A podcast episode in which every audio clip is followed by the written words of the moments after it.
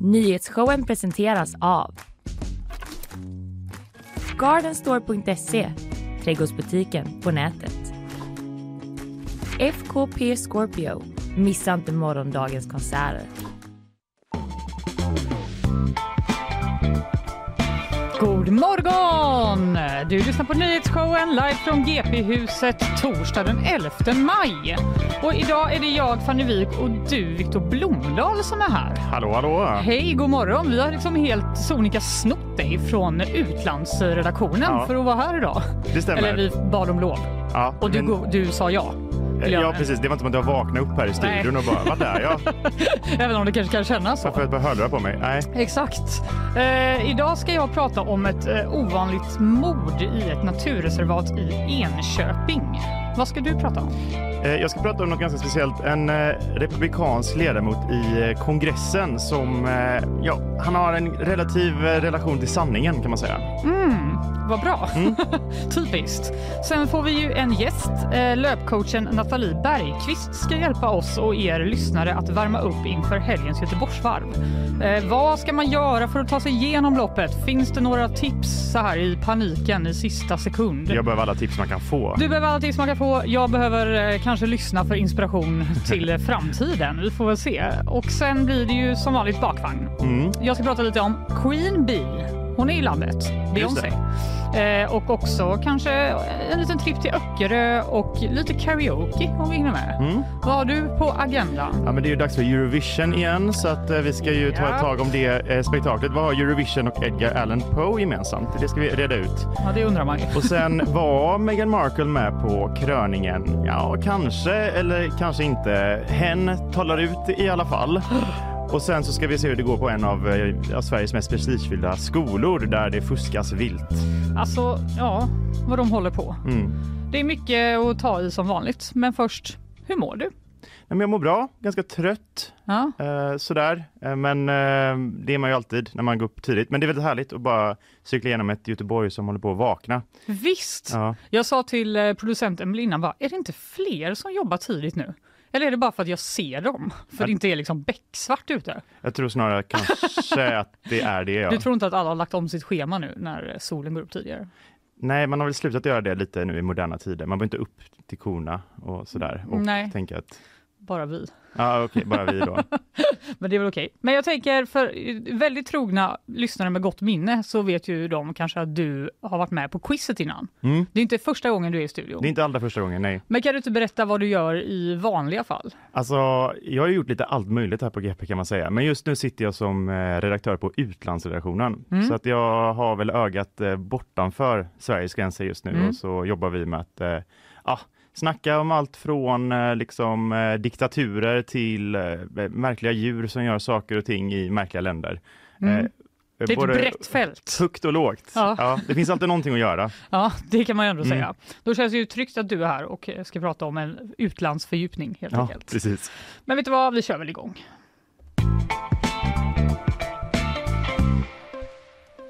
Nu ska vi alltså prata om ett ovanligt mord och det kan ju låta konstigt, men det finns ganska många faktorer som gör att just det här fallet eh, sticker ut helt enkelt. Och det var i slutet av mars i år som grannarna i området kring naturreservatet Gästaviken utanför Enköping reagerade på att det stod en övergiven taxibil parkerad eh, längs en väg. Den stod helt översnöad och det är väldigt ovanligt eftersom de som brukar röra sig här är fågelskådare. Och de är inte ute så länge, sa en granne då till SVT Nyheter. Okej. De var så här, mm, det är inte någon som har liksom gått ur för att hitta någon speciell fågel här, för att då blir den inte helt översnöad helt enkelt. Man kan ju undra också hur eh, många fågelskådare det är som tar taxi till sina Ja, eller hur? Det är, Liksom, sig, tar man taxi är till Hornborgasjön för att se? typ att jag tror att de gör det. Ja, det för det de får sådana vet, eh, alerts när de, det är någon speciell Ah. fågel och då blir det så. Blir de helt galna. Mm. Men det var så de såg den här bilen från början och det visade sig också att taxibolagets ägare eh, samtidigt då hade lo- lokaliserat den här bilen som var försvunnen då via GPS och han hade larmat polisen. Och det var hans vän, en 26-årig man från Stockholmsområdet som hade använt bilen. Och åklagare i det här fallet, Moa Blomqvist, hon säger att det är inte klart vem som kört bilen till naturreservatet, men att den här ägaren till taxibolaget inte misstänkt för något brott. Okej, mm. Och den här eh, mannen då, när eh, polisen larmas så inleder de en sökinsats. Eh, men det dröjer faktiskt flera dagar innan man hittar honom död i ett skogsparti bara några hundra meter från den här övergivna bilen. Okej. Eh, vi såg när de bar ut mannen från skogen. Det var precis när kyrkklockorna ringde. Det var en kuslig känsla. De bar honom över gärdet, säger en granne till SVT Nyheter. Vilken dramatik. Eller hur? Det är också väldigt, eh, alltså som det kan vara i sådana naturreservat, väldigt så ensligt Mm. eftersom det inte finns några hus. Eh, Alltså, det låter är- verkligen som någon sån här eh, alltså SVT-serie, någon sån Eller hur? mörk eh, deckare liksom. Exakt. Eh, och det var, det här började liksom det, det mystiska redan. Men sen visade det sig då att ganska snabbt så eh, rubricerade de det här som ett mord. Och en vecka efter att den här kroppen hittades så efterlyste man tre tonårspojkar och en tonårsflicka som senare greps misstänkta då för inblandning i det här fallet. Och senare greps ytterligare en 18-årig man på Arlanda när han återvände till Sverige efter att han hade då varit efterlyst i nästan en månad. Och nu sitter alla de här fem då tonåringarna häktade. De är mellan 15 och 18 år Oj, och fyra av dem är bröder. Vilket, Så det ja. är ju ja, ganska tajt i ålder och eh, bröder och sen då ytterligare en person, en tonårsflicka. Och eh, det har varit ganska hög sekretess kring det här fallet sen eh, de greps, men igår så uttalade sig åklagaren Moa Blomqvist i SVT Nyheter om ja, men varför det är just lite ovanligt. Det är väldigt, väldigt ovanligt, tack och lov. Det är inte så ofta vi har så här unga misstänkta för så här allvarliga brott. Framförallt när det inte gäller en gängmiljö eller en mer organiserad brottslighet utan det här är ju, vad ska man säga, mer vanliga ungdomar eh, som inte är, eh, flera av dem är inte kända alls av polisen. De är unga, de är inte kända av polisen och de är inte i en gängmiljö. Och det är oftast det man ser då när det är så unga personer, att Alltså- de är inblandade i gängmiljön på något sätt. Det var precis det man tänkte på direkt, att ah, ja, nu är det det här igen. Men, men då förstår jag det ovanliga i Ja. eh, mordet. Exakt, men det är också andra saker som sticker ut så rent statistiskt. Mhm. Vi ska höra rättsexperten Dennis Martinsson i SVT här. Dessutom kan man se när unga personer är misstänkta för att ha begått den här typen av mord så handlar det i regel om att brottsoffret är någorlunda i samma ålder. Och här är det ju en ganska stor åldersskillnad mellan de som är misstänkta för brottet och eh, mordoffret. Ja, den mördade mannen var ju alltså 26 år Mm. och de misstänkta mellan 15 och 18. Och det är ju ganska stor skillnad, särskilt när man är yngre. Ja. så umgås man ju oftast inte så i, i så olika åldrar. Och en annan utmärkande faktor, nu är vi uppe i ganska många här, det kommer ytterligare. Ja, jag håller verkligen. Ja, det är att eh, endast en av de här då är eh, dömd för brott tidigare. Det är den äldsta brodern. Han är dömd för misshandel och han har under längre perioder bott på olika ungdomshem. Han har sedan tidigare tonåren haft olika kontakter med socialtjänsten och han har beskrivits som självdestruktiv. Men de här tre yngre bröderna då är helt ostraffade och den femte misstänkta, den här 15-åriga flickan, är också helt tidigare ostraffad. Eh, och hon, ska vi säga då, hon är alltså inte släkt med dem, men det finns uppgifter om att hon känner en av de här bröderna sedan tidigare. Mhm. Så hon har ändå en koppling Okej, till mm. dem. Och sen finns det ytterligare en faktor som sticker ut. En till? Eh, japp, vi hör eh, rättsexperten Dennis Martinsson igen. Men platsen är ju väldigt ovanlig för ett mord av den här typen. Det är visserligen en ödslig plats men det förutsätter ju också att man tar sig dit och från till exempel. Det är kanske inte en plats som man normalt sett känner till om man inte är intresserad av fågelskådning till exempel eller bor eller verkar i närheten av det här området. Det är en ovanlig plats. Mm. Eh, och det, ja, om man inte är där och fågelskådar så kanske du inte vet att den ens finns, helt enkelt. Och man vet inte om någon av de inblandade är eh, fascinerad av fåglar. Nej, det är, en utav dem bor i relativt nära. Okej. Eh, Fågelvägen. eh, Ja, exakt. Men eh, jag vet inte om de liksom brukar vara där, har inte framkommit. Överlag har det inte framkommit något motiv än. Det finns uppenbarligen, men Mm. eh, inte som vi vet om eh, utåt. Eh, men en teori som utreds är att de här misstänkta ungdomarna har försökt att få det här mordet att se ut som ett självmord. Mhm. Men undrar du, hur ser bevisläget ut? Mm, verkligen. Man vill ju veta vad som hänt. Exakt, man vill veta vad som hänt. Vi ska höra lite grann från åklagare Moa Blomqvist igen. Ja, men det är ju sannolika skäl, det har ju tingsrätten sagt och jag menar på att de här sannolika skälen har stärkts under utredningen. Eh, men sen är det en förundersökning och det kan ju komma in nya uppgifter som kan göra att det blir starkare eller svagare. Men just nu så har vi som bevisning att jag är väldigt trygg med att, att de ska sitta häktade. Det låter som att de har rätt gott om Mm. bevisning helt enkelt. Men det är fortfarande förundersökning. Det kan komma nya uppgifter eh, som kan ändra läget. Men hittills sitter de fortsatt häktade. Och det lär ju helt enkelt dröja till en eh, rättegång i så fall då, innan Ja. vi får veta lite mer vad som kan ligga bakom det här. Ja, man, det här kommer man ju följa. Det är just av de här konstiga omständigheterna. Alltså hur Exakt. träffades de? Vad, Vem tog, vem körde bilen? vad gjorde vem, de där? Varför en Exakt. taxi? Exakt. Ja, Allt det här får vi inte veta nu nej, av, är- av min mm, fördjupning. Vilken, Men, vilken eh, jobbig spoiler Fanny. Ja, förlåt. Vi ska också säga att alla de misstänkta nekar till brott. Dessutom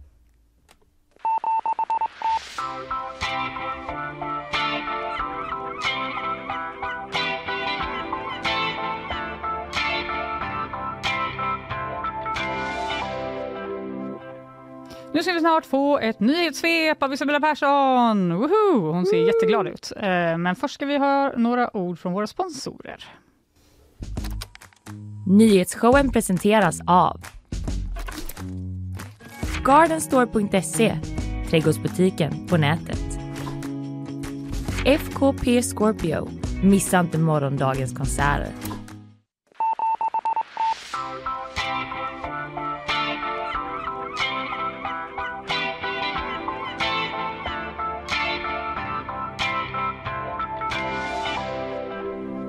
God morgon Isabella Persson! God morgon. Hur mår du denna underbara dag? Jo, jag mår bra. Kände du våren i dig när du tog dig till jobbet? mycket mer än eh, tidigare. Ja, du Alltså- har ändå varit i Spanien. Ja, så när jag kom hem så var jag då, åh det är inte varmt här. Men idag, igår kände jag ändå. Du känner de varma vindarna. Du Ja. tog med dig de varma vindarna Ja, från Spanien lite kanske? kanske. Tackar. Ja, varsågoda. Gracias. Ja, då, exakt, gracias. Då ska vi se om vi har lite nyhetssvep att bjuda på kanske. Det har vi. Trots det tuffare ekonomiska läget så är arbetslösheten den lägsta på 14 år. Det visar nya siffror från Arbetsförmedlingen. I slutet av april var 327 000 personer inskrivna som arbetslösa på landets arbetsförmedlingar. Det motsvarar ungefär 6,3 procent av arbetskraften i åldrarna 16 till 65 år. Man tror dock fortfarande att arbetslösheten kommer att öka även om det finns en motkraft i att många branscher fortfarande har personalbrist. SAS fick under pandemin statligt stöd när flygmarknaden nästan helt dog ut. EU-kommissionen godkände stöden men lågprisbolaget Ryanair protesterade och menade att det snedvred konkurrensen. Nu ger EUs domstol Ryanair rätt. Huruvida SAS måste betala tillbaka hela stödet som uppgår till 11 miljarder återstår att se men SAS själva har i ett uttalande sagt att beslutet i nuläget inte påverkar några planerade avgångar eller bokningar. Idag kan 1200 anställda i tågtrafiken gå ut i strejk. Om facket och arbetsgivaren inte kommer fram till någon lösning innan klockan tre idag så inleds strejkens första etapp vilket bland annat omfattar lokförarna på Öresundståget. De kritiska frågorna under förhandlingen har varit att medlemmarna vill få bättre framförhållning gällande schemaändringar och mer tid för återhämtning mellan arbetspassen. Oj, oj, oj, nu kanske det blir strejk. Klurigt att åka till Köpenhamn låter det som. Ja, Mm, och det typ eh, potentiellt till väldigt många andra ställen också om det, Mm. den fulla strejken bryter ut. Ja, I tre nivåer, tre etapper tror jag det finns. Ja, tre etapper och eh, det är godståg och det är vanliga tåg och det är pendeltåg. också va? och, Ja. ja, det verkar vara en soppa som vi kanske får reda ut imorgon om det nu blir strejk. Ja, de kanske löser det De har ju tre. lite tid på sig, Mm. Nej, typ en arbetsdag. Man får fortsätta med cykeln annars så länge. Cykeln till Köpenhamn, det får stå för dig. Eh, ja.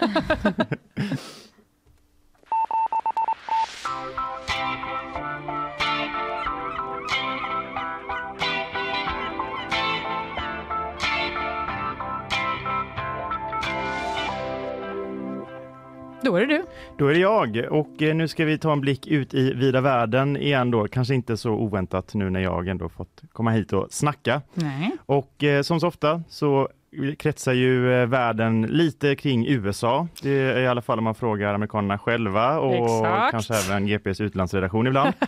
eh, och nu ska vi prata om politik, republikansk politik och vi ska inte prata om Donald Trump. Va? Utan vi ska, ja, vi ska prata om en helt annan som också har hamnat i eh, klaveret med rättvisan kan man säga. Mhm. Nämligen en herre som heter George Santos. Just det. Det är ett väldigt, Känner igen. eh, ja, det, det är ett bra politikernamn ändå. Det, man kommer ihåg det liksom. Ja, det eh, så. Men eh, för igår kommer nämligen nyheten att han har gripits. Mhm. Och eh, det här har ju då orsakat lite ramaskri runt om i världen och kanske framförallt USA då. Mm. Men vem är då George Santos Ja, undrar du såklart. berätta. Vi tar det lite från början. Han eh, är en av ledamöterna som sitter i representanthuset Mm. i USA. Mm. Det är ju en av de två kamrarna då som röstar igenom eh, olika lagförslag och eh, bestämmelser och sådär. Och den är ju eh, sen i november eh, en, har en republikansk majoritet. Mm. Ganska liten majoritet, men ändå en majoritet som kan liksom, ja, sätta eh, käppar i hjulet för president Biden och hans regering då. Eh, så att eh, Republikanerna är ganska, eh, de värnar om den här majoriteten liksom, för att de fick den inte i senaten. Mm. I alla fall så valdes då George Santos som en av Republikanerna in i eh, representanthuset i mellanårsvalet då förra året. Och eh, han fick ganska tidigt rubriker, positiva rubriker, för att han är ganska ung, Mm. ganska bildskön och eh, ja, som republikan så sticker han ut ganska mycket på ett bra sätt tror jag att Republikanerna tycker att eh, det är något annat än de här kanske lite dammiga eh, gubbarna då, alla Trump och, Ja, och liksom Mitch McConnell och de. Han är alltså, inte 80 år. han är inte 80 år, han har fortfarande liksom så här hy som kanske inte sladdrar. Åh. Eh, sådär, ja. Bara en sån sak. Bara en sån sak. Ja, visst.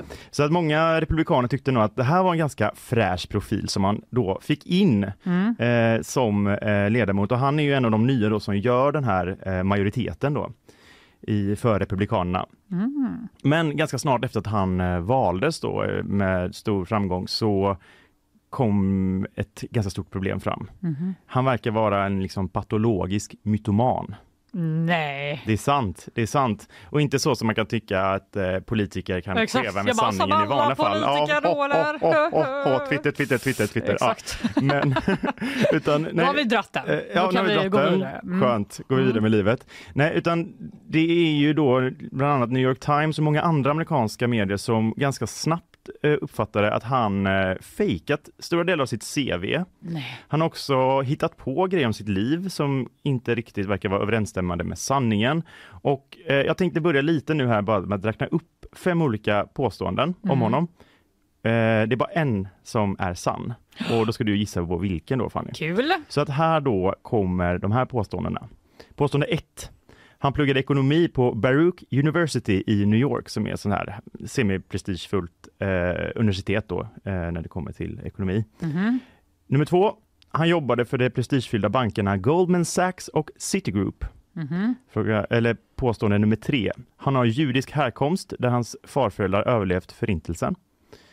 Nummer fyra. Han är homosexuell men har tidigare varit gift med en kvinna.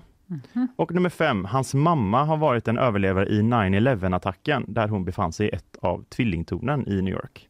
Men gud. Vilket är det som Allt det här har han stämmer? alltså sagt om sig själv. Ja, på olika sätt påstått eller angett i sitt CV eller liksom sagt inför valet då, liksom för att få bli vald. Det var ju svårt, men jag tror typ ettan. För det är så här, han tog inte den flashigaste skolan. Just det. Utan det var så här, jag gick på en skola som är helt okej. Ja.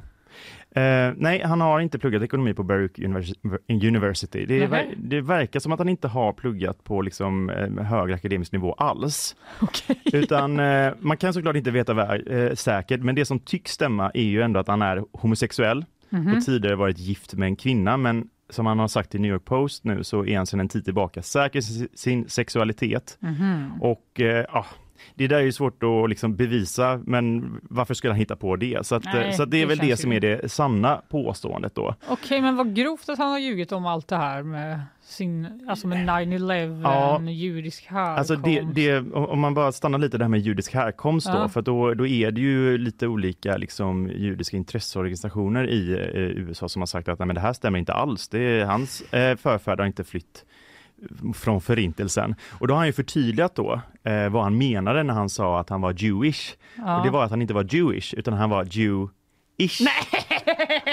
lite som att du vet, man bara... Det sa han inte! Jo, typ som att den färgen på din tröja är blue, blå-ish liksom. Men hur är man you-ish? Har han förklarat det? Eh, no, men, det är jo, en känsla man jo, har. man har förklarat det. Bland annat Vanity Fair skrivit då om att eh, hans eh, mamma då, eller mormor kanske det till och med var, just det, var eh, judinna men sen konverterade till katolicismen. Och, eh, så att de ändå har någon form av härkomst, men, men det verkar inte vara den här tydliga vägen som han har hävdat inför valen. Nej. Och det är faktiskt inte ens det mest graverande. Um, om jag ska fortsätta så är det som så här att han även i vissa fall inte har betalat sin hyra för olika bostäder han har bott i. Mhm. Uh, han har varit i lite andra tvistemål i andra länder och den här då som jag kanske tycker är en av de mer rötna, det är ju att han har försökt uh, hjälpa en veterans döende hund Mhm. genom att liksom samla ihop pengar för att den här hunden ska överleva. Den var sjuk i cancer eller något liknande. Sen så tycks han då ha stuckit med pengarna. Nej. Hunden eh, ja, fi- är inte med oss längre och eh, då så är det någonting han satt i system. Det är många anklagelser här då och det är ju ingenting som har provats rättsligt men det är ju ändå ganska graverande eh, omständigheter så att säga. Har aldrig hört om sämre karma Nej. än att ta en cancersjuk hund. Ja, det skulle vara ett barn då kanske. Ja precis. Vi ska snart, snart komma till gripandet också men jag måste bara liksom förkovra mig lite mer i Ja, vad han tack. har hittat på. Han har även då hävdat att han var med i sitt universitets, det universitetet som han aldrig gick på, volleybolllag och att han där då var en lovande stjärna som eh, skulle kunna nå världsliten om det inte vore så för att hans eh, knän pajade. Det skrev också Vanity Fair eh, och att han då valde mellan en karriär i, inom basket och volleyboll men valde volleyboll för att det var lite lättare för honom. Det här verkar ju inte heller stämma så listan bara fortsätter. Eh, Men är det att han har valt typ ett inte Harvard för att det är så här, då kommer ingen kolla upp det. Om jag bara säger att jag har gått på en liksom, Det kan vi-. Det kan vi bara spekulera i, men, Ja. men det låter ju sannolikt, helt klart. Alltså, det, Tyvärr hade- gick det inte. Nej, men precis. Det hade man liksom själv sagt. Typ. Ja, jag gick på Jönköping University. Campus Manilla. Typ. Ja, precis, mer om det sen. Ja. Eh, han är ju också då en Trump, Trump-fan såklart. Han ställde upp i valet 2020 eh, för samma liksom, plats som han nu har blivit invald och fick ingen, fick ingen plats då. Mhm. Och då ställde han sig på Trumps sida och sa att eh, valet var riggat även mot honom. Man kunde säga, vem, vem är han? Alltså, vem, det är väl ingen som vill rigga ett val mot en helt okänd Nej. politiker, alltså så. så att, eh, och då, då på en demonstration mot valresultatet, det här skrev också Vanity Fair som har listat alla de här eh, Mm. eh, De har gjort sitt jobb. Ja, men lite märkligare grejer han har gjort. Då ska han varit på en sån här demonstration då 20, efter 2020 och eh, demonstrerat mot valresultatet. Och där ska han ha på sig en väldigt dyr Hermès-scarf Mhm. som då en av hans för detta rumskompisar hävdar att han har stulit från rumskompisen. Så att det var liksom Stay classy. Exakt, lite så. Så att eh, ja, George Santos då har ju då efter valet nu när han kom in i representanthuset eh, utretts både till höger och till vänster. Det är liksom etiska kommittéer och det är liksom ja, olika utredningar. Men ehm, Det är så mycket för dem att göra det när det är är väldigt mycket, att lögner. göra. Ja. Och eh, Demokraterna då, eh, motståndarpartiet eh, i, eh, i kongressen, de har ju såklart velat få bort honom och krävt hans avgång, menat på att han blivit vald på eh, liksom fals falska grunder. Alltså, han, han blev ju vald liksom helt korrekt, men att väljarna då har blivit lite förda bakom ljuset kring Ja, vem han egentligen är. Mm. Republikanerna har inte varit så sugna på att eh, bli av med honom. Alltså de, de har ju också erkänt att ah, det här ser inte jättebra ut. De är Det- inte för att ljuga hej vilt. Nej, eh, nej PR-mässigt så har de ett och annat att och, s- tala om här, men de värnar ju väldigt mycket om sin majoritet i representanthuset. För, för det är inte som i Sverige att om, om han skulle avgå så får rep, eh, republikanerna ersätta honom med en annan, utan det kommer bli ett omval om den platsen då, som ju då Demokraterna skulle kunna vinna och få göra republikanernas majoritet ännu svagare än vad den redan är. Vilken jobbig, jobbig sits för dem. Mm. Så att eh, de har ju liksom, eh, de har inte stöttat honom. Eh, Vår egen eh, reporter Britt-Marie Mattsson som är ju en, en eh, liksom riktig klippa när det kommer till amerikansk politik har ju sagt att han är ju mer eller mindre utfryst från arbetet där men, men de, de låter ändå honom vara kvar på nåder för att det är bekvämt för dem då. Ja. Men det blir ju svårare och svårare för dem för då som sagt då igår så greps han då.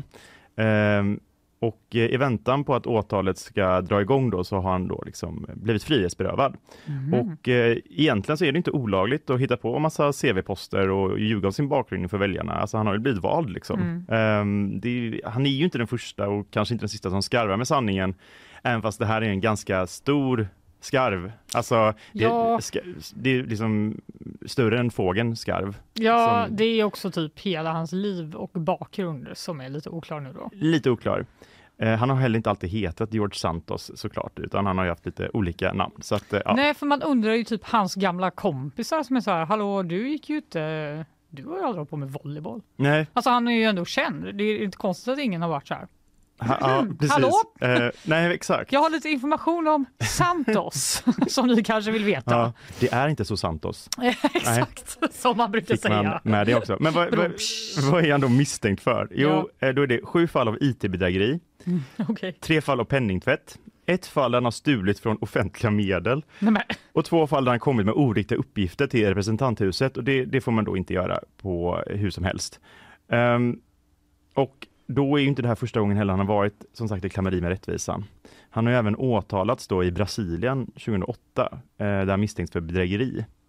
Då ska han ha stulit sin mammas anställdas checkhäfte och spenderat runt 7000 kronor i ett fejkat namn. mhm. Och där tänker jag, alltså om man nu ska göra det här brottet, varför bara 7000 kronor? Mm. Ja, det var liksom, det kanske inte fanns så mycket mer pengar. Ja, kanske det, men annars så fläska till lite om Ja, du nu ska hålla på. Han erkände sitt brott där 2009 och 2010. Sen flyttade han till USA och slutade svara när brasilianska myndigheter liksom, hallå, ska du inte, ska, ska du inte kompensera? Ja, precis. Och han hävdar fortfarande att han då inte är kriminell, varken i USA eller i Brasilien. Ehm, och nu är det ändå vissa republikaner som ändå känt att det kanske är dags för Santos att ja, ta sitt pick och pack och dra vidare. Mhm. Eh, finns det säkert någonstans som han kan eh, tuta i folk att han fortfarande är en volleybollstjärna. Ehm, men Det som krävs för att vinna val i USA. exakt. Den republikanska ledaren i representanthuset, eh, Kevin McCarthy, som han också för övrigt då, George Santos, eh, sägs ha imiterat för att få rika människor att eh, sponsra hans eh, valkampanj. Men herregud. Ja, ehm, han, eh, Kevin McCarthy då, som är ju ändå liksom, ja, inte partiledare kan man inte säga, men han är liksom ledare för arbetet i representanthuset. Ja. Han har sagt att han nu ska följa fallet noga innan han eh, eh, yppar någonting om han tycker att eh, George Santos ska avgå eller inte. Ehm, och eh, skulle han bli fälld då för de här brotten så kan han fortfarande sitta kvar i kongressen. Så att han kan ju liksom fortfarande rösta och liksom genomföra olika initiativ för att eh, man måste typ begå- förräderi om man, eh, för att bli av med sin folkvalda post. Mm, det enda han inte har liksom, lyckats komma upp i. Mm, exakt, exakt. Ehm, och eh, Republikanerna hävdar ju fortfarande att, ehm, att ja, han är ju folkvald så att eh, vem är de och säga att han ska avgå? Mm. Ehm, men ja, trycket börjar byggas upp i alla fall och vi får väl helt enkelt se hur det går för George Santos om det nu är hans namn eller kommer vi få se honom i en annan skepnad?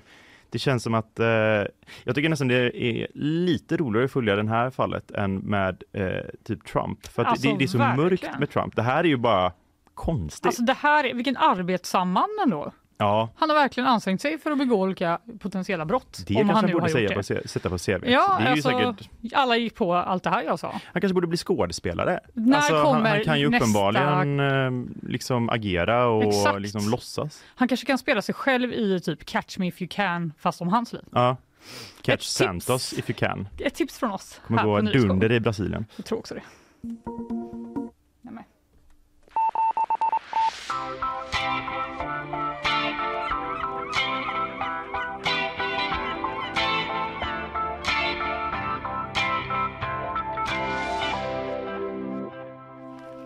Nu får vi snart en gäst!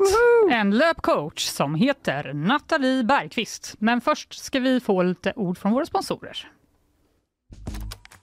Nyhetsshowen presenteras av Gardenstore.se, trädgårdsbutiken på nätet. FKP Scorpio, missa inte morgondagens konserter.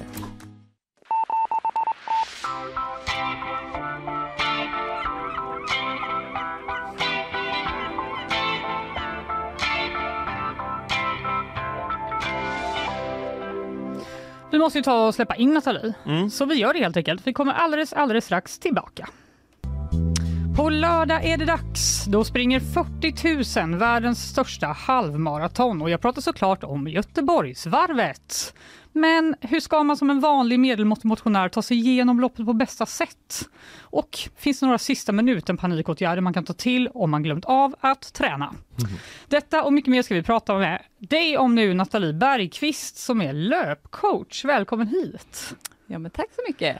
Roligt att vara här. Ja, lite tidigt tyckte du, men Ja, lite tidigt för en löpkurs som ska vara på montern på Göteborgsvarvet hela dagen. ja, jag förstår. Det är en intensiv vecka under varvet. Ja, det kan Ja. jag verkligen fatta. Vi berättade ju precis för dig innan vi drog igång här att Viktor, han ska springa Första gången. första gången Mm. och han har panik.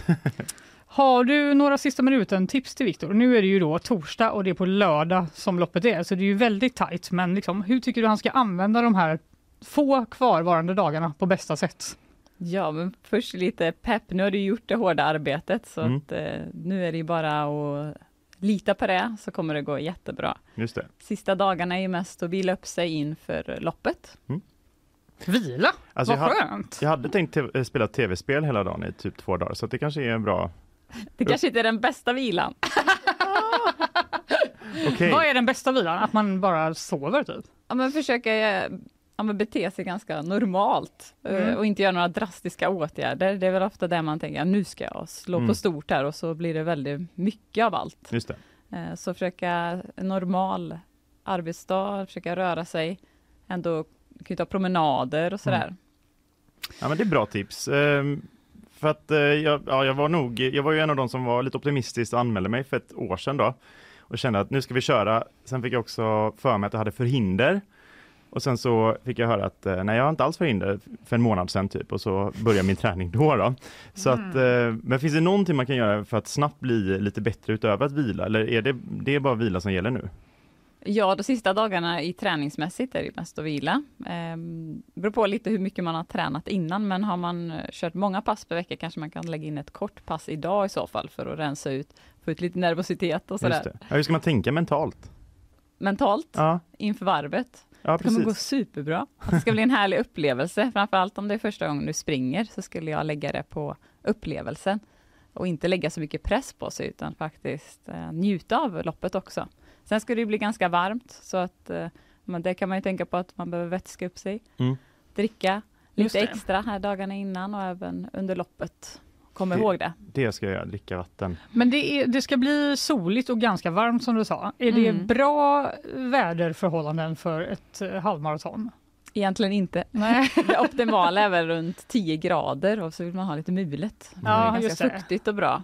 Nu behöver man ju fylla på mycket mer. Man vill inte ha den här gassande solen i ansiktet helt enkelt. Nej, det är inte då personbästan sätts. Det är bara kul för oss som Men det kollar kan på. ju Ja. vara annorlunda för dig. Vem vet? Jag hoppas det. Men vad ska, man, vad ska jag äta då, eh, samma dag innan loppet? Det beror på när du startar. Göteborgsrådet har ju ganska många olika starter, så vissa Mm. startar ganska tidigt vid lunchen och då kanske man inte hinner äta någon lunch utan får ta en stabil frukost och något mellanmål. Har man lite senare start kan det vara bra att få in någon lunch. Pasta, sallad, det är ju enkelt att ta med sig. Mm. När ska du starta? Men jag har för mig då, jag är ju osidad som det heter, så att eh, 14.46 tror jag att min Oj, start är. ganska Så det är sent. ganska sent. Ja. Ja. då är nog lunch att föredra där med Okej. lite pasta. Mm, mm. Så äh, kolhydrater är det vi går på, så fylla på med lite extra kolhydrater kan man göra också Mm. dagarna innan här. Sen ska inte det överdrivas heller, utan... eh, Med sunt bli- förnuft. Ja, precis. Lite extra kolhydrater. Det blir ju att man går på plus redan eftersom man vilar Mm, eh, också. Så lägger man plus Ah. i. Alltså jag tycker den här uppvärmningen låter jätteskön. Du ska vila och äta pasta och ta, tänka positivt. Ja. Det Alltså det låter ju liv. toppen. Ja. Ja. det är det du brukar göra. Ja, mer eller mindre. Ja men då eh, låter ju det bra. Det är Men därför det är så viktigt att börja i tid. Nu var det inte så optimalt att börja en månad innan då. Nej, just så det. äh, ska man prata om något så kan man ju prata om träningen innan. Mm, verkligen. Men det här du sa i början om liksom positivt tänkande och så. Hur mycket skulle du säga att det spelar roll? Att man försöker vara lite så, mm, det kommer gå bra. Ja, men jättemycket skulle jag säga.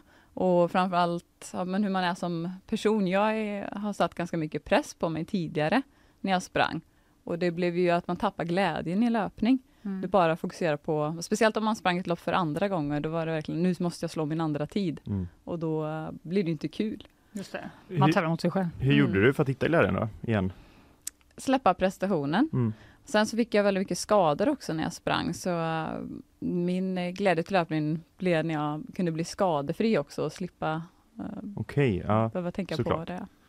Men hur började du själv eh, med löpning? Varannan lyktstolpe började jag jogga. Är det så? Ja. Så jag ville få upp konditionen. Jag tävlade i badminton. Ville få upp min Ah. kondition till det. Så eh, jag har också fått börja från noll, Ja. vilket jag tycker är en fördel idag när vi har löpkurser och sådär. Att jag kan också se en nybörjare och vart de är. Att man behöver varva gång och jogg för att vänja muskler och ligament. Hur blev du löpcoach?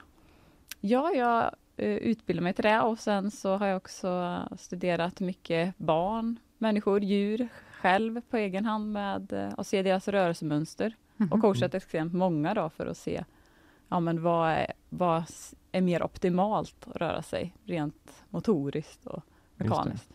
Vad är det största misstaget du ser eh, löpare göra då när de, när de börjar coachas av dig? Mm, det vanligaste är väl att man tar alldeles för långa steg och att man har lite av en gångrörelse i löpningen. Så Mhm. man tar med sig gångmönstret. Mhm. Så när man kommer till oss får man ofta lära sig ja, men hur man går också. Mhm. För det är ofta grunden i hur vi springer. För de flesta går mer än vad de springer. Mm. Jag Men gör hur- inte det, men Ja, just det. Jag gör definitivt det Samma här. överallt. Men hur, hur ser det gåmönstret ut? Alltså vad betyder det?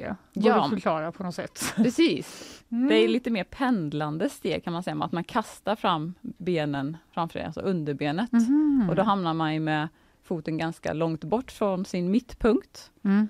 Så att vi vill försöka landa lite närmare vår mittpunkt, för då kan man fjädra genom hela kroppen mer. Mm.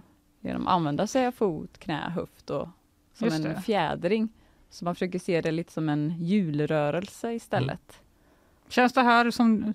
Är du med, Eh, Viktor? No- Noterar du Jag detta? tänker att det är lite relaterbart. Typ när, du vet, när man skyndar till vagnen och går fort så kan man ju nästan få ont i benen för Mm. att det är liksom, det känns som Just att det. eh, liksom, typ, musklerna vill åt ett håll och så, så vill resten av kroppen liksom lika mycket eller mindre åt Mm. ett håll och så bara gör Ja. ont liksom. Du bara Jag tänk- slänger fram benen. Jag tänker att det är något sånt då, liksom att man ska bort från det. Okej.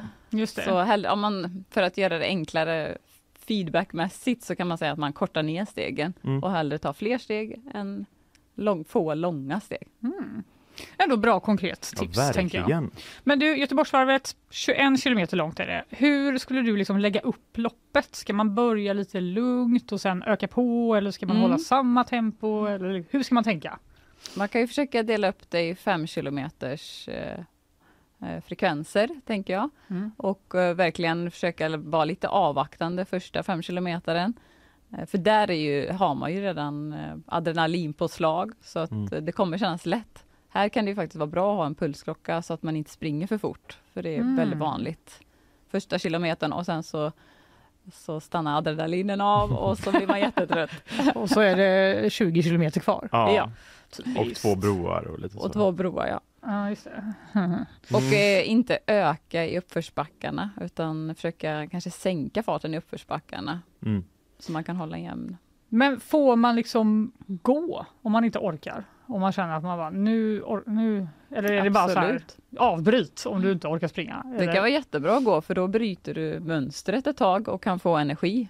Så Mm. att eh, det går jättebra att gå och det uppmuntrar vi ofta. Mm. Eh, framförallt i våra kurser och så att eh, ta gärna en paus och gå och fokusera på tekniken igen. Försök hitta avslappningen. För spänner du dig då kan du inte andas. Så att, det. eh, Så det är liksom bättre än att tänka, jag vill springa hela tiden. Att Mm. om, om man då kanske inte är så van att springa så långt. Ja, okej. Ja, det räknas också. Det, jag springer ju ultralopp och då behöver man gå emellanåt. Och det är många som har bara, kan man Hur gå? långt är ett ultralopp? Ja, det är ju alla distanser över maraton. Så det Okej, kan vara ganska långt. superlångt. Hur långt är det längsta du har sprungit? 16 mil. 16 mil! Herregud. Ja, då måste man väl ändå gå emellan? Ja, då går man ju, speciellt när man äter och sånt, så behöver just man ju det. gå. Men gud, hur lång tid tar det att springa 16 mil? 28 timmar. Nej, det här är det värsta jag har hört. Mm. Jag får typ ont i kroppen av att bara höra det här. Men då sover du emellan, eller vad? Nej, jag sover Nej. inte då. Men eh, springer man ännu längre, då kan man behöva ta och sova lite emellanåt. Just det. Så, så Göteborgsvarvet är egentligen bara en uppvärmning eh, om du skulle springa det? Ja, men det beror på hur, om man ska springa det snabbt Ja. eller sådär, så, kan, så är det jobbet också. Men jag föredrar att springa längre, för då kan man springa så långsamt och njuta. Ja, just det. Det är mer uthålligheten som eh, räknas då, än Ja. eh, liksom snabbheten. Det finns ju de som tävlar i det också och vill vara snabbast där, men det är inte mitt syfte. Men när du springer så långt då, jag tänker, eh, jag är ju liksom redan rädd för att man ska bli uttråkad när man, när man liksom i tj- Mm. 21 kilometer, liksom, när du ska springa 28 timmar, hur, ja, men liksom, hur, hur håller du fokus och liksom roar dig, eller vad man ska säga, under tiden? Men det är det som jag tycker är så skönt eftersom jag själv driver företag och det liksom är väldigt mycket hela tiden. Och har småbarn och det är liksom så att eh, löpning är min frizon så att det blir ganska men meditativt tycker jag. Mm, mm, mm. Eh, Att man inte behöver hela tiden utan man kan vara väldigt mycket i nuet. Och det Du kör inte så ljudbok eller typ Jo det kan man ju köra som bryta. Ja, just Eh, det. gjorde jag en del under den tiden. När du springer 28 timmar i sträck Ja. så kanske man måste Men Bryta du- lite. Har du en sån playlist som du kör? Ah, lite, lite olika faktiskt. Jag brukar nog ibland lyssna på podd för att jag bara vill bli distraherad. För jag, Ja. jag är ju inget fan av att springa överlag. Nu är jag taggad inför lördagen liksom. Varför har du anmält dig till ett halvmaraton? Eh, det kan mycket väl ha att göra med att jag ganska nyss passerat 30-gränsen, alltså åldersmässigt. Vadå, det är en Eh, kris? Ja, skulle jag säga det. Ja, Eh, eller I efterhand. Inte helt Så. ovanligt. Nej. Det tänkte jag fråga dig också. Det kan väl inte vara helt ovanligt? Att det är så här, nu, nu har jag kommit upp i den här anrika åldern av 30 år. 30 Men många när man får barn också så är det ganska smidigt att komma igång med löpning just för att eh, det tar ju mindre tid eller det är väldigt effektiv För att slippa sina barn. Jag. Kanske slippa ta sig till gym och ja, Ja, det blir man kan bara process. springa ut genom dörren Ja. och så får man träningen. Liksom. Ja, vi Mm. får effektiv, ja, utanför dörren 30 minuter så har du väldigt effektiv träningstid. Mm, det är ju verkligen sant. Mm. Men du, om jag då skulle få för mig, jag har aldrig sprungit varken ett lopp eller bara på fritiden, utan Mm. jag har liksom aldrig löpt. Om jag skulle få för mig då eh, i min 35-årskris då till nästa år att anmäla mig till nästa års Göteborgsvarv, hur ska jag liksom lägga upp träningen från Ja. och med nu då, som aldrig har gått, sprungit ett steg i mitt liv? Ja men det vore väl jättekul. Eh, ja, jättekul. jag bara, Vi kan springa ihop nästa år. ja, men du kommer ju vara mycket bättre än mig då. Ja men man springer inte tillsammans på varvet, det är svårt. Man Ja. springer med alla andra, det är så himla många. Så Ja, det är att, sant. Jag menar, vi peppar varandra liksom. Ja, det är sant. Nej men det du kan tänka på är ju då att varva gång och jogg. Mm. Så eh, max 30 sekunders joggfrekvensen tänker jag, så varvar man med 60 sekunders gång Mm. och lägger upp det kanske totalt sett under 20 minuter. Två till tre gånger i veckan och så börjar man så. Eh, Och sen kommer man ju sakta men säkert då att öka upp mängden jogg gentemot gång. Mm. Det är en väldigt snäll uppladdning ändå. Mm. Ja. Ja, hon har ju gott om tid på sig till Ja. skillnad från dig. Exakt, Mm, ett år plus har Ja. jag. Och du har, hade en månad. Lite skonsammare för muskler och ligament och ja. Ja, exakt. Men eh, jag tänker också så här att om, eh, vi var inne på det då, positivt tänkande, Mm. det kan du Check. det kommer du Mm. lösa. Mm. Äta pasta, typ. Mm, Pastasallad. Dricka jättemycket vatten. Och vila, inte typ spela tv-spel, utan vila mer så här. Och där drickmässigt kan det vara bra med sportdryck eller eh, någon typ av salter, att man, så inte bara, bara vatten, för det Mm. späder ju ut lite så vi har ju också salter vi svettas ut. Så. Just det. Mm. Sen Så- är det väl, är det inte det här med att man kan få liksom löparmage också, alltså Mm. efter ett tag, eh, att man har lite, lite ris i kistan. Hur, hur ska man tänka för att motverka det? Ja, vilken mardröm. Det är Ver- jättejobbigt. Jag, för första, mitt första Göteborgsvarv så fick jag ju springa in på en toalett det första jag gjorde. Så det Nej. var det inga köer då så att Det det var- är ganska smidigt. Jag river av det nu, Ja. när ingen är här. Precis. Hade gjort det. Men är det nerver? Ja, det är ju nervositet ofta och sen att man kanske har experimenterat lite med maten man ska Mm. ta i, ta för mycket och så. Så försök gå på säkra kort hellre. Ja, Just det. just det. Man, man hittar någon sån jättebra recept, Mm. tycker man, för eh, Ja, är- superkolhydratrikt och Mm. sådär. Och så kanske man inte alls van. Så det får man också tänka på. Är man inte van att äta jättemycket kolhydrater, då kanske man inte ska trycka Nej. i sig. Då kanske man skulle prova att det är någon månad innan. Och, Just det. Men nu, nu närmar det ju sig med stormsteg varvet här och Mm. du, din arbetsdag nu är redan kopplad till varvet då. ja, hela dagar. Vad gör du då? Ja, vi kommer hänga i expot och bygga monter. Och gjorde Mm. vi igår hela dagen. Förbereda inför det, all, där man hämtar nummerlapparna. Just det. Så har vi som en monter så man kan komma och snacka med oss, köpa skor. Och sen på själva dagen, vad är liksom din uppgift då? Ja, då kommer vi eh, att stå kvar i montern där och Mm. även ha en hejaklack på Lindholmen strax bredvid vår lokal. Mm. Kan nog heja på dig när du Så kommer vi heja Det för hoppas dig. jag. Ja, Mm. Vad kul. Ja, det blir riktigt roligt. Ja, jag blev lite nervös nu inför eh, hur det ska gå för dig Viktor helt Mm. enkelt. Eh, och Bra, alla andra där ute. Ja. Men eh, tusen tack för att du kom hit Nathalie Bergqvist och eh, lycka till i helgen. Tack så mycket.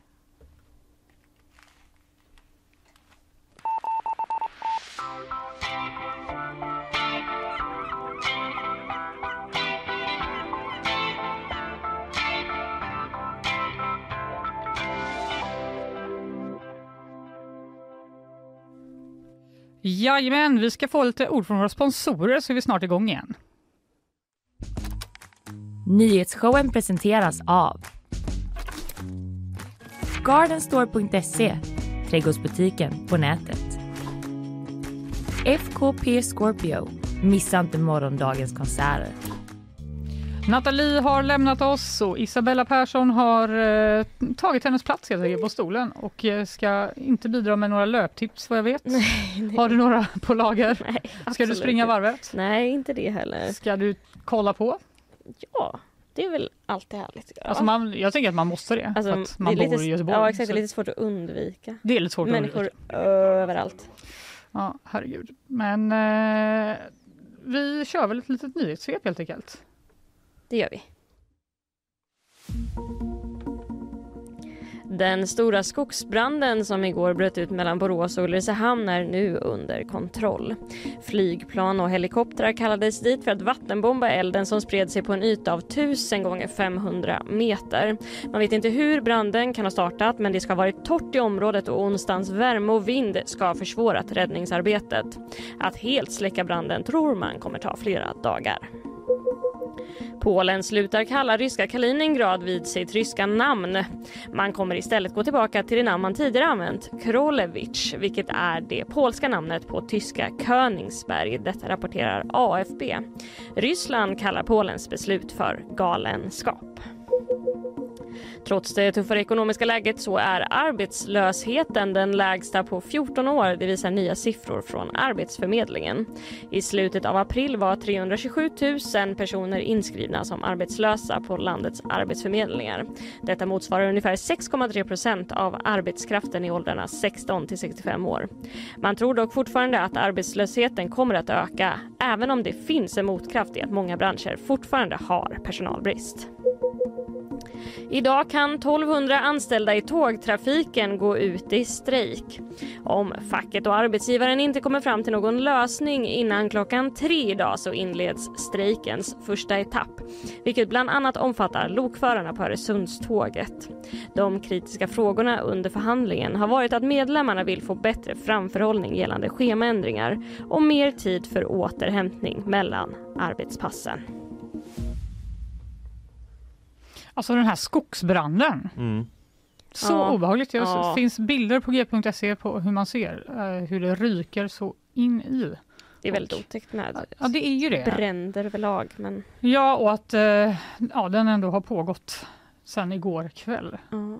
det är också, jag tycker det är väldigt svårt att få en uppfattning om hur stort Alltså 1000 gånger 500 meter, det är en kilometer långt. Liksom. Det är, Väldigt svårt att förhålla sig till. Ja, Ja, det är det faktiskt. men det var ett jäkla stort område i alla fall. Ja, det verkar som att de eh, fortfarande jobbar med detta helt enkelt. Då. Absolut. Men Ja. under kontroll. Under kontroll, tack höra. och lov. Ja, det får vi säga.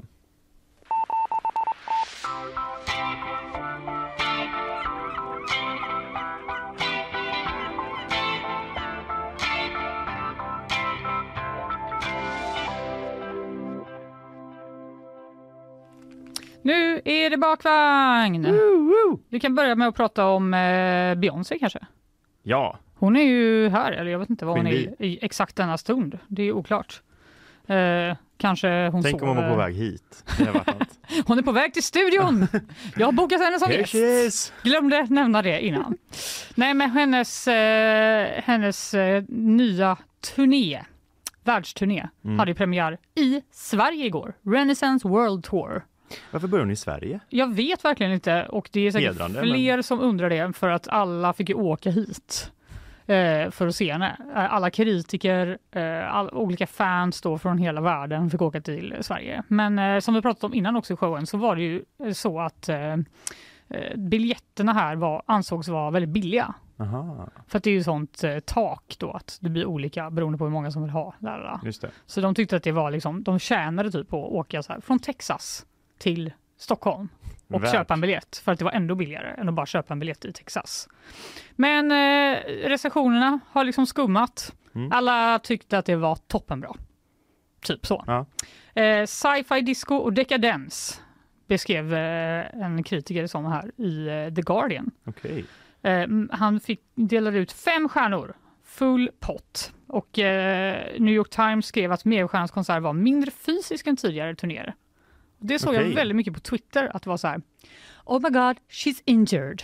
Jaha, okej. Och då är det att de är så här, hon dansar nej. inte lika mycket, hon Nej. har skadat sig och typ någon konsert hon hade någonstans, där haltade hon lite. Så nu kan hon liksom inte göra, hon har ju ganska avancerad koreografi va? Men haltar de verkligen eller är det bara att det såg så ut i en sekund och så Exakt, det är lite internet? oklart. Hon ska inte ha haltat igår, Nej. ska jag säga. Men de tyckte liksom att hon inte, hon rörde sig inte lika mycket Mm. som hon brukar göra. Och eh, Anna Rosenström, som ju jobbar på Kulturen, hon var där. Hon eh, gav fyra fyra till Beyoncé. Mm. Tyckte att... Eh. Ja, hon var lite så, ja ja. Det var väldigt mycket ballader i början. Blev Mm. hon lite orolig skrev hon. Ska det vara så här? Men sen blev det fest. Sen drog hon igång. Sen drog hon nog igång eh, den här. Ska vi se om jag kan dra igång den.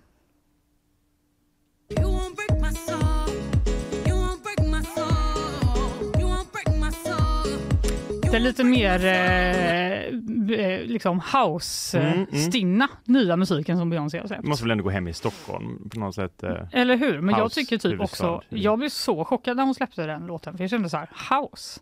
Det, Ja. Är vi inte klara med det? Verkligen, det är Inte det lite jätte- sent på bollen. Eller hur? Fast å andra sidan kan hon vara sen på bollen med någonting egentligen. Det, är- Nej, det, det är verkar lite inte som så. att, jag tänker också, vågar man ge, såga henne? Eh, liksom här, alla, alla ger jättefin kritik, men det är ju inte så oväntat känns det som. Nej, jag vet. Man blir inte så här, undrar vad Beyoncé kommer få i betyg? Nej, exakt. Kanske en etta? Bara, Nej, jag skulle inte tro det. Hon Nej. haltar ju faktiskt. Ja, exakt. Men även om hon haltar så lyckades hon ändå... Eh, alltså hon har, verkar ha en väldigt eh, cool outfit. Det verkar vara så här, jag är en maskin, Mhm. typ. Jag har på mig så kläder som gör att jag ser ut som en maskin. Och det är också kritik som hon har fått mycket, att hon är väldigt... Man, hon är inte så personlig, Nej. utan hon kontrollerar ju allt. Hon gör ju inga intervjuer. Typ dokumentären hon gjorde, gjorde hon om sig själv. Ja, Inga mm. fotografer släpptes in på Nej. spelningen, utan bara hennes fotografer. Och så fick man använda Hon bilderna som styr de diskussionen om sig själv hon enkelt. styr verkligen. Eh, och att då tyckte väl Anna Rosenström att det var ganska snygg liksom, kommentar på det. Att vara så här, jag är en maskin. Mm. Det är det jag är. Liksom. Ja, det är faktiskt. mitt artistskap. Eh, och i, eh, särskilt imponerad var Anna Rosenström av sista låten Summer Renaissance när Knowles glider in på scenen en, på en glittrande häst. Oj, Då är det bara att lyfta på hatten, maskinen, artister, superstjärnan. Ingen levande Guden häst, va? Beyoncé har gjort det igen. Eh, du, vet du vad? Bra, väldigt bra fråga. Det kan det ju inte vara. Hon kan ta en levande häst. som de liksom har sprayat på massa bara, glitter. är ni från vettet? Nej, men jag vet inte hur den såg ut. Var det en maskinhäst, Emelie? Har du sett det? Nej, hon vet inte. Vi får kolla upp det här. Mm. Eh, Oavsett, det verkar som eh, det var en god kväll där ute i Ja, Stockholm. det låter, låter mys. Det låter fan mys.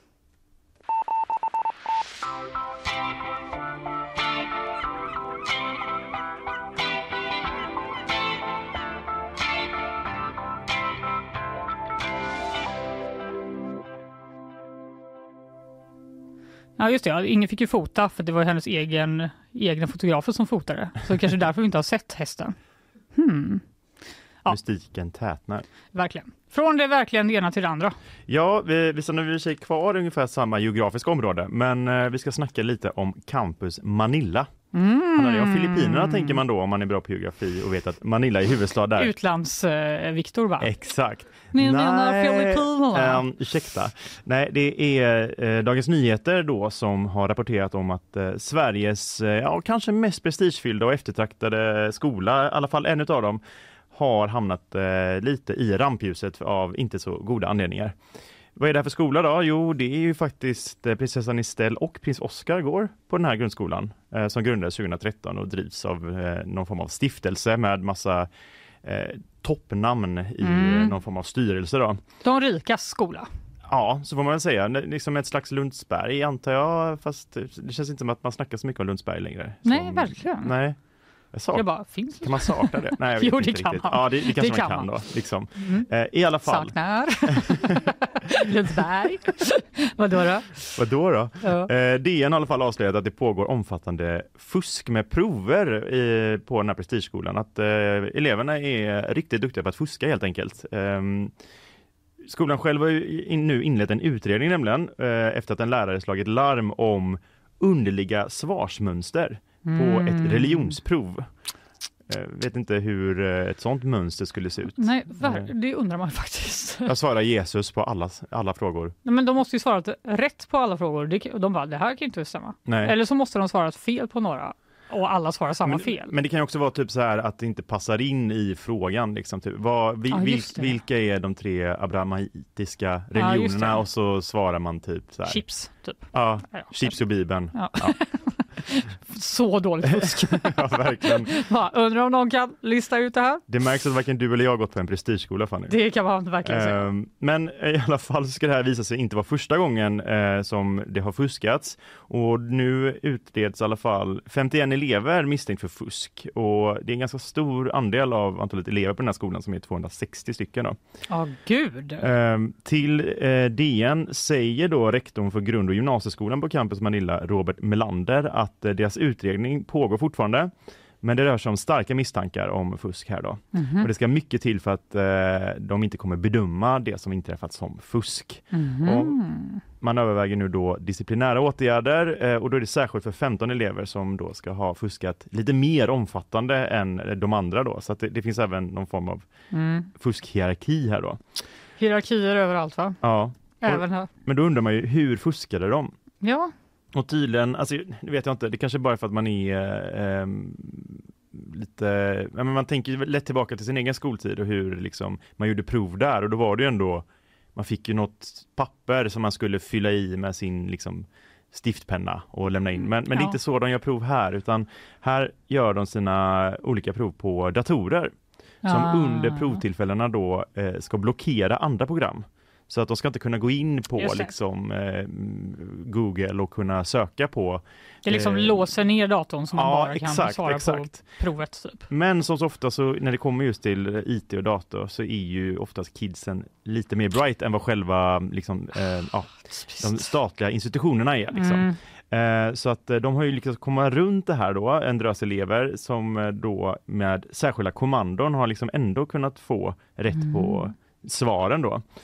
Och eh, det framgår inte riktigt vilka det är som har fuskat, men eh, vad tror vi? Kan, kan Estelle vara en av de som har fuskat? Tycker hon känns väldigt laglydig. Hon känns Faktiskt. otroligt lag. Kanske en anti till George Santos. Ja, Ändå. verkligen. Ja, Någonting säger mig att vi kommer inte ha det problemet med Estelle. nej, om hon säger att hon är bra på volleyboll, då är hon bra på volleyboll. Hon är säkert bra Ja. på volleyboll. Men Oscar då? Prins Oscar? Han känns ju lite, han ser ju lite lurig ut. Jag, vet, jag visste knappt att han fanns. Nej, Jag ska säga bara. men, men, men eh, googla på honom så kan du se. Han, han, han ser lurigare ut än vad Estelle gör. Hur Eh, gammal är han? eh, han är väl inte... Oj, vad glad han är. super- Ja, glad är han ju. Ja. Han är ju prins.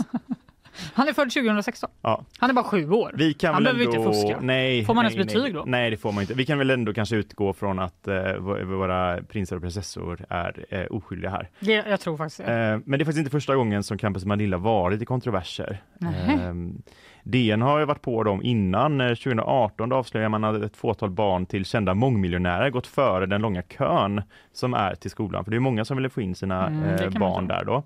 Eh, och eh, då har de gått via en kvot som ursprungligen var tänkt för nyanlända elever. Nej. Jo. Så att, Man eh, bara, det är ju kul med mångfald och så, men vet du vad som också är kul? Mångmiljonärer exakt, och deras exakt. barn! mångfald i pengar. ja, Mångfald många, många i pengar. valutor. Ja, det är väldigt kul. Ja. Ehm, och det här gjorde då det här avslöjandet 2018. Då pekar det också på en konflikt mellan ledningen och styrelsen i skolan och inflytelserika familjer. Eh, och det slutar med att rektorn där då har tvingats sluta. Mhm. Och inte så förvånande så har ju även skolan då vid flera tillfällen kritiserats av Skolinspektionen. Så att ehm, ja, Det är en skola, mycket prestige men eh, också mycket fuffens som vi ju nog kommer få följa här. eh, Ja, det känns som det. Jag såg att någonstans, och det var väl idén då antagligen, att eh, någon elev sa att eh, nu snackas det ju mycket om det här på skolan och de som då inte har fuskat är oroliga och undrar vad som ska hända med deras slutbetyg. Ja, nej. Nu känner jag att jag, jag, jag känner så mycket för de pluggisarna Ja. som är så här, jaha, Som men jag fick ju precis, MG. som säkert- Eller man får inte det längre kanske. Eh, Ja. ja, får Ja, man. får man. Ja, precis. De, de kommer ju säkert få en jättedyster framtid med eh, sina inflytelserika föräldrar och sådär. Det är Ja, exakt. mycket- De kommer ju aldrig klara sig nu.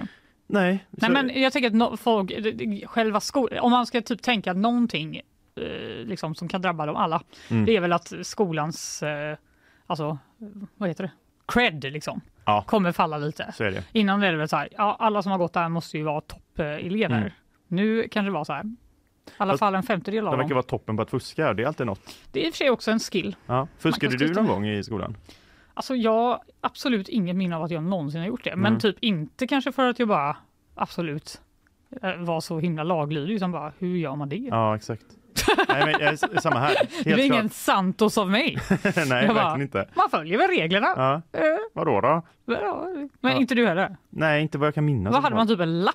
Ja, Kanske att jag skrivit någonting på typ handleden någon gång? Typ men ett så typ- franskt verb. Ja, man- exakt. Som man visste att man inte kunde. Det är Ja. sant. Jag kan nog ha jobbat med någon så stor bokstav, alltså inte, inte stor bokstav, bara, vad är den stora bokstaven på P? Utan mer att man vet typ vilket ord man ska leta efter, Ah. men liksom man vill bara ha som... minneshjälp, Ja, exakt, liksom. exakt. Ja, det är ändå ett väldigt, väldigt light fusk får jag ändå säga.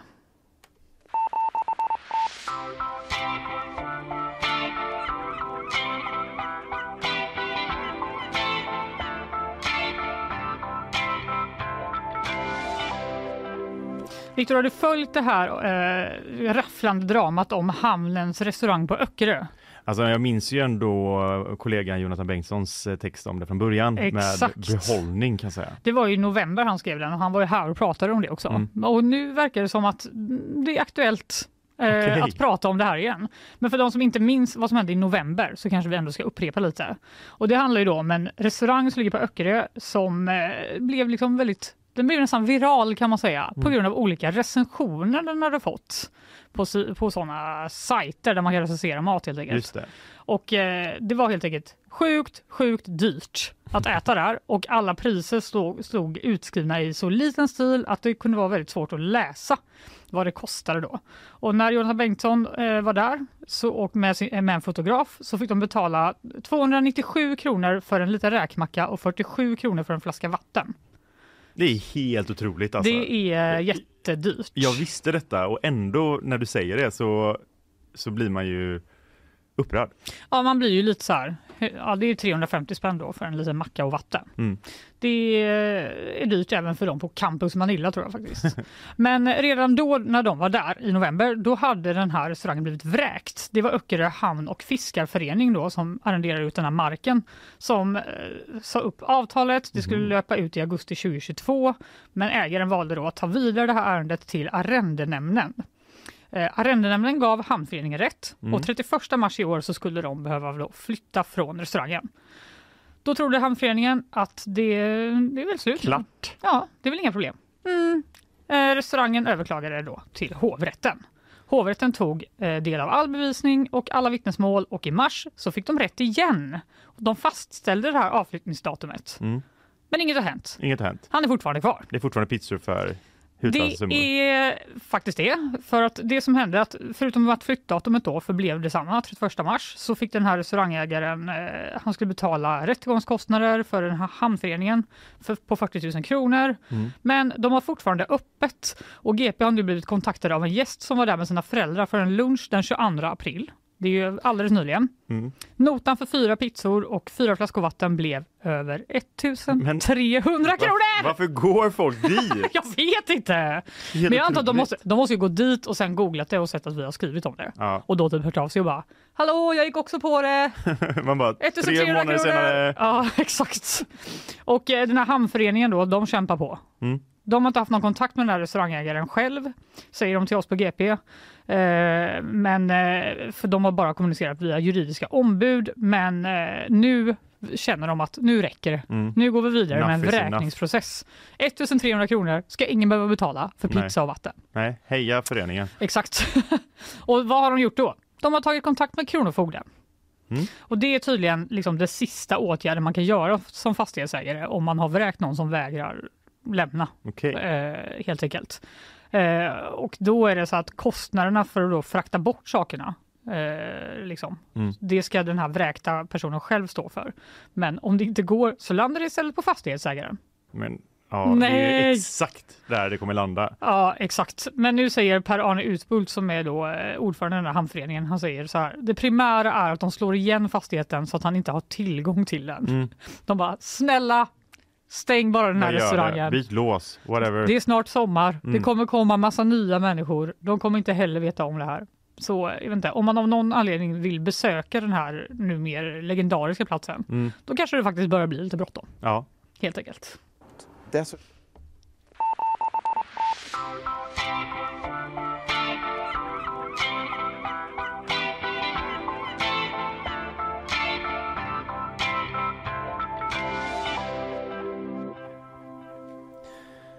Alright, eh, Fanny, det är ju torsdag. Och vet Ja. du vad det innebär? Eh, ärtsoppa och pannkakor. Och återigen dags för Eurovision! Idag igen! Idag igen! Ja visst! Det är så otroligt många som tyckte var förvånande över detta, att det Ja. är två semifinaler, ehm, men det har ju faktiskt varit det sedan 2008 i Eurovision. Ja, nu känner jag mig dum. Ja, Men det är väl någonting att typ eh, så fort, eh, ja, jag, gör, jag gör faktiskt det, men Ja. så fort eh, inte Sverige typ är med, mm, då är det som att man bara, om man inte är ett fan. Men du är ett fan av Eurovision. jag är ändå ett fan av Eurovision, jag kommer nog ändå sitta och kolla idag. Hur, är, alltså, hur uttrycker sig det här, ditt fandom? Alltså det är, blir ju ganska mycket spellistor med Mm. Eurovision-låtar som man liksom har fått på hjärnan som man sen spelar ganska mycket fram till typ mitten av sommaren innan man börjar tröttna. Liksom. Mhm. Ehm, sen ligger det väl lite i träda fram tills liksom, eh, våren igen då. Alltså, man blir lite taggad när Melodifestivalen drar igång men det är inte riktigt samma sak. Utan det, jag, jag tycker ju Eurovision är lite som ett liksom, fredligt Hunger Games. Folk har, men folk har liksom sjuka kreationer, kommer Ja. till någon form av eh, huvudstad oftast och Ja. så, så är det liksom... Det Släpps ner eh, Släpps I ner. arena. Eh, I vissa länder känns det som att det är på liv och död. Det ska vara politik, får inte vara politik och man ska liksom ja, musikaliskt döda varandra. Ja, Ja. men snyggt ändå. Tack, tack. Ja. Okej, så din pepp nu är ganska så hög inför... ganska så Men hur hög. ska du hinna både varvet och Eurovision? Nej, det är ju ett problem. Jag får ju se till. Ja, fast jag, jag bör ju ändå vara i mål innan klockan nio på Alltså, lördag I kväll. don't know. Jo, I don't men know. När ska du börja springa det. tre? Eh, ja, precis. Så att jag har ändå. Jag, jag tror jag kan krypa varvet och Sex ändå. timmar? Ja, det ska gå. Det ska ja. gå. Okej. Idag i alla fall så är det 16 länder som ställer upp eh, och tävlar om 10 finalplatser då till. eh, 16 lördag. länder idag. Mm. Herregud. Däribland då har vi Danmark och Island, våra nordiska vänner. Mm. Eh, och eh, vi har ju såklart galenskaper att vänta även denna kväll då. Det, om man minns från tisdagen så var det ju ganska crazy och det är det nu med. Eh, vi kan ju bland annat bara lyssna lite på Österrikes låt eh, tycker jag. Mm.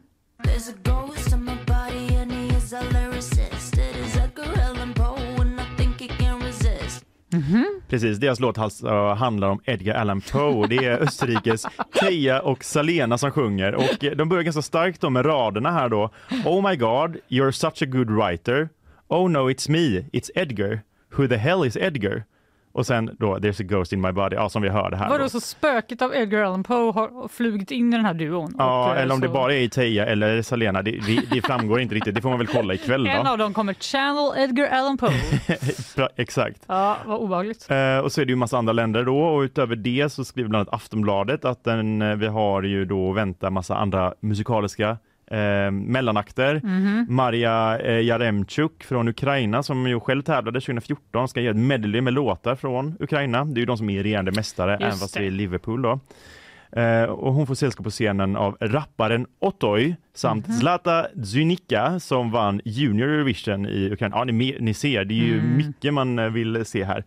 Mhm, det ska också absolut. göras en mellanakt. Också en tolkning. Ja, det ska göras en mellanakt av tre drag queens. Eh, politiskt Va? känsligt nu för tiden verkar det som. Deras, SD, hör ni det här? ja, exakt. Stäng ner Eurovision.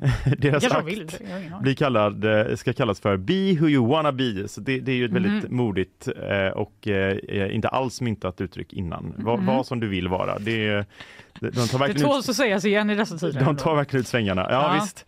Ehm, så vi har mycket att vänta och eh, man undrar ju då vilka det är som ska gå vidare från den här eh, semifinalen såklart. Mm. Det finns en massa bettingbolag som ju hela tiden lyssnar av hur mycket lyssnas låtarna redan nu och vad, vad snackas det och eh, surras det om. Och det är faktiskt just österrikiska Edgar Allan Poe tjejerna som ligger bäst till i den här semifinalen. De Mhm. lär ju gå vidare. Mhm.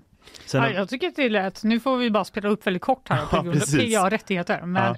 Alltså kände att både jag, jag såg Isabellas huvud, ja, den hade något, digga liksom. helt Den klart. hade något. Eh, visste inte man kunde känna så för Edgar Allan Poe. Nej, inte jag heller. Eh. Nya, nyheter för mig med. Precis. Sen är det något eh, australiensiskt, eh, ja de kallar sig för ett metalband eh, om, som heter Voyager om man ska tro Wikipedia rätt. Men eh, de älskar tydligen Eurovision och nu får de äntligen tävla då för Australien. Va? Det känns väldigt metal. Så att, eh, kul för dem, men de ligger bra till i bettinglistan också.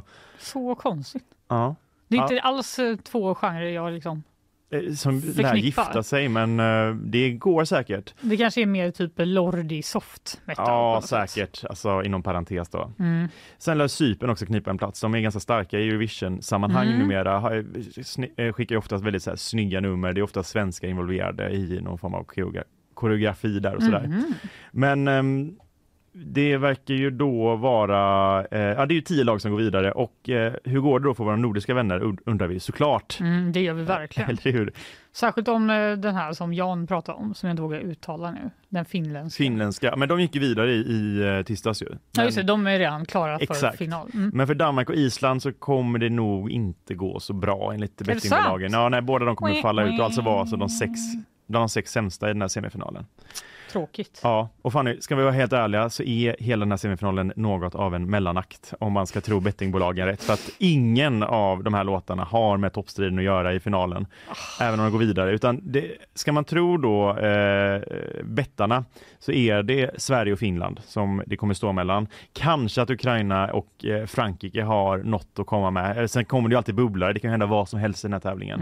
Mm. Eh, vi hejar såklart på Loreen, Mm. men eh, Vad tror du? Nu får du säga här dina, Jag- eh, dina five cents om Loreen. Jag tror, ja, det, men det är så svårt att säga. Det, många är ju missundsamma till Sverige för Ja. att det har gått så bra för oss innan. Vi kan inte hjälpa att vi är så sjukt bra. Exakt. Nej, jag tror, jag, jag tror Finland tar det. Tror du det? Ja, jag tror tyvärr det. Men, men det kanske är lite för konstigt för vissa konservativare mm, länder som röstar. Jag vet inte. Men det känns som ett väldigt öppet fält ändå. Eh, det är ändå kul med en clash mellan Sverige och Finland. Vi bara fortsätter De- att hålla på. De vann över oss i NATO, kan Exakt. vi vinna över dem i Eurovision? Det återstår att se. Men ikväll, om man vill se på den längsta mellanakten då som kan finnas, eh, så är det alltså semifinal nummer två i Liverpool.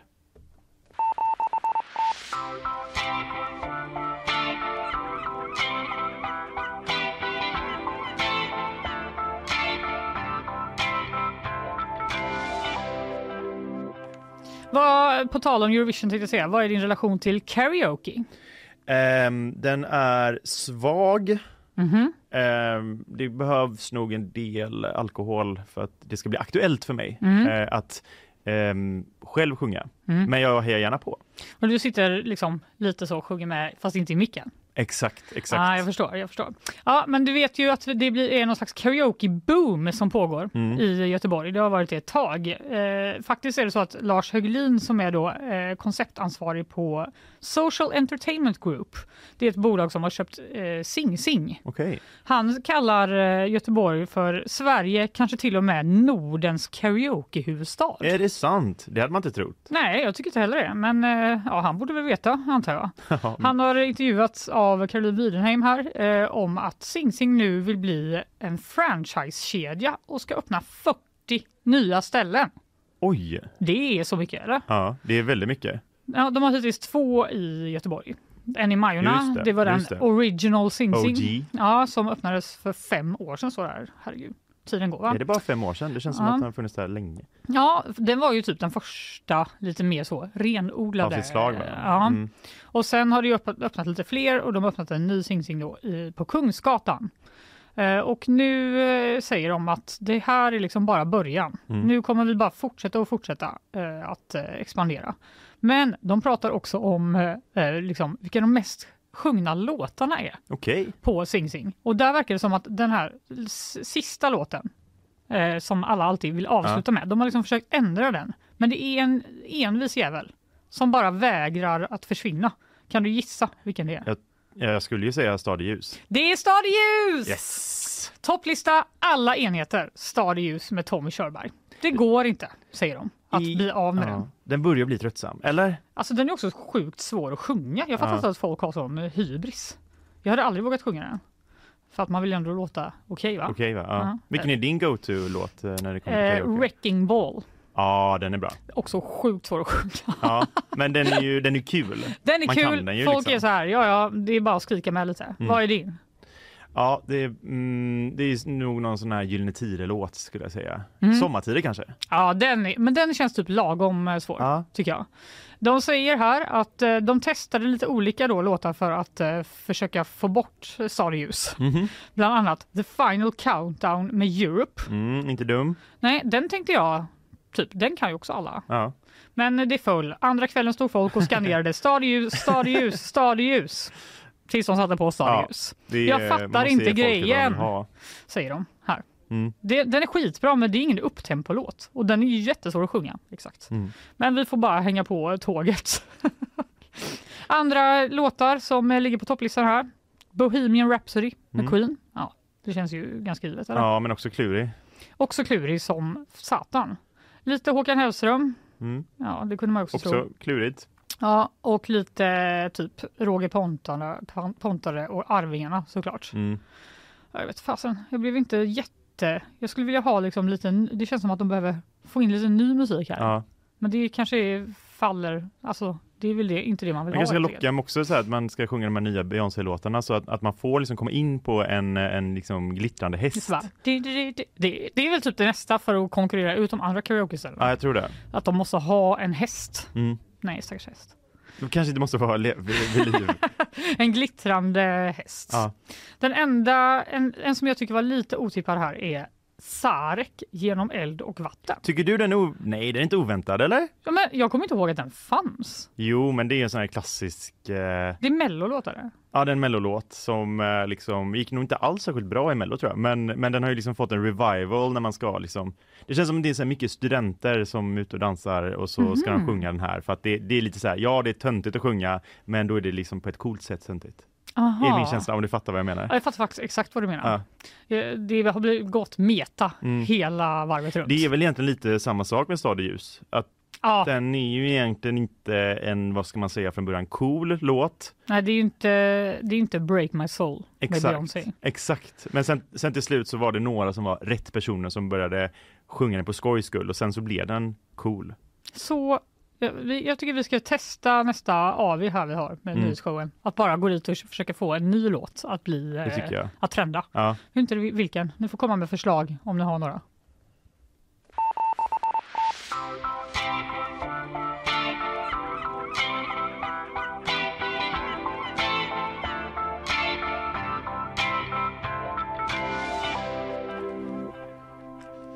Ja, Ja, det, jag, jag fattar det som att vi har pratat en hel del i nyhetsshowen om prins Charles krö- kröning. ja alltså vi kan liksom inte låta bli. Nej, det går ju inte. Men, Det är alltså inte en grej till va? Nej. Och så är det så kul. Så men, precis, men nu kanske det är då sista rycket här då innan Mm. vi, vi får släppa eh, Challe. Mm. Eh, men det har ju spekulerats i den här eh, kungafamiljen då, i brittiska. Det, det är ju en fnurr på tråden mellan många familjemedlemmar. Mm. Typ eh, prins Harry och hans eh, Meghan Markle som ju inte är helt eh, inne i värmen så att säga. Nej, Det var ju bara prins Harry som var på kröningen och han hade ju ingen officiell roll utan gick där med lite, jag vet inte, egenpåtagna medaljer typ och, och såg, såg lite tafatt ut ändå av det lilla jag såg. Mm. Men det är ju väldigt många på sociala medier som har spekulerat om Meghan Markle trots allt inte var på Ja, precis. Dök hon inte upp ändå? Och då är det bi- bilder på en ja, en, en äldre herre med väldigt stora så här, 80-tals eh, och vad som ser ut som nästan vara en peruk och lös mustasch. Och så, Ja. och så är det många som har tänkt, är inte det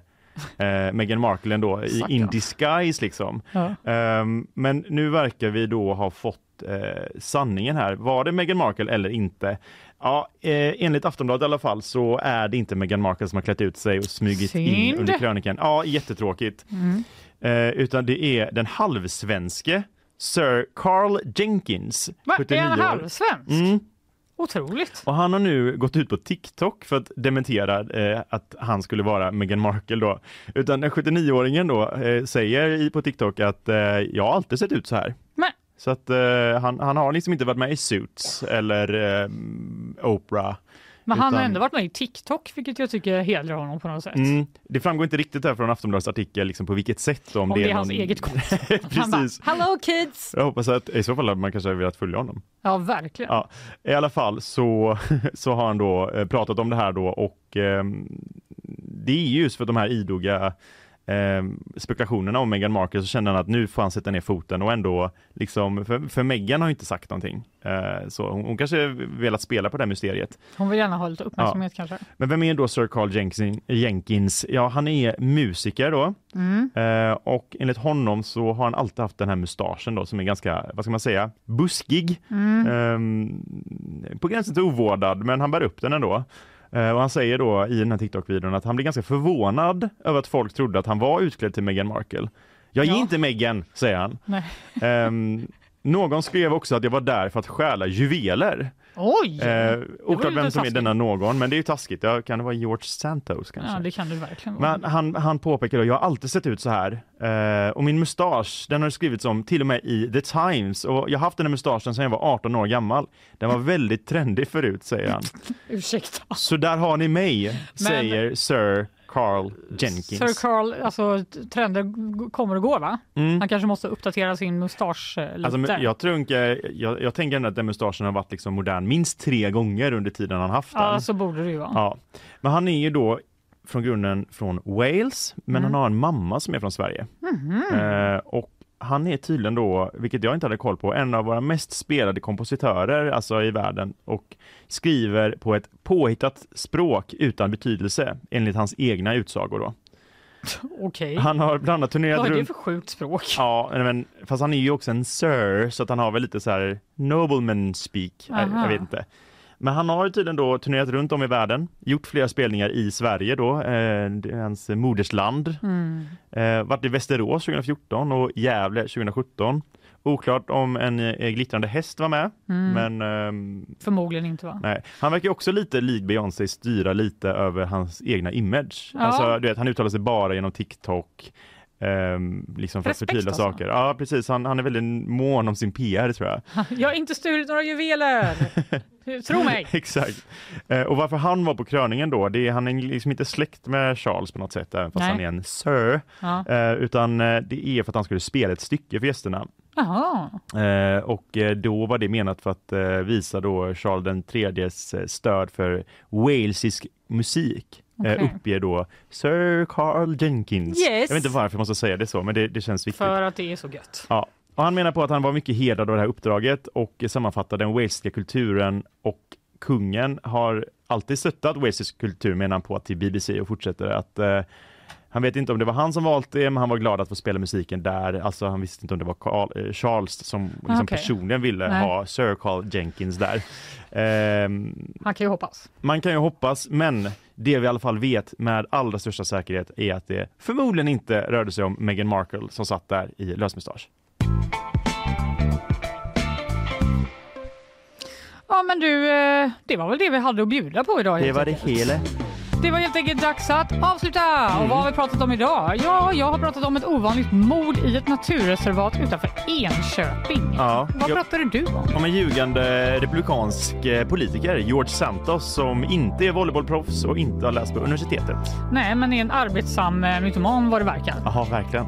Eh, gäst var ju löpcoachen Nathalie Bergqvist. Hon var här och delade med sig av sina bästa tips. Eh, ganska mycket till dig faktiskt, Ja, för du ska ju springa. Gav mycket pepp och lite ångest. Mm, vila, ät pasta fasta, drick mycket vatten. Spela inte tv-spel gjorde mig lite besviken. det var lite hårt Mm. tycker jag. Men det var inte vila tydligen. Nej. Utan eh, mer gå in i den mentala världen tror Ja. jag. Och sen var det ju bakvagn, men den, ja, det hörde vi ju nyss. Ja, det var det- lite av varje. Precis.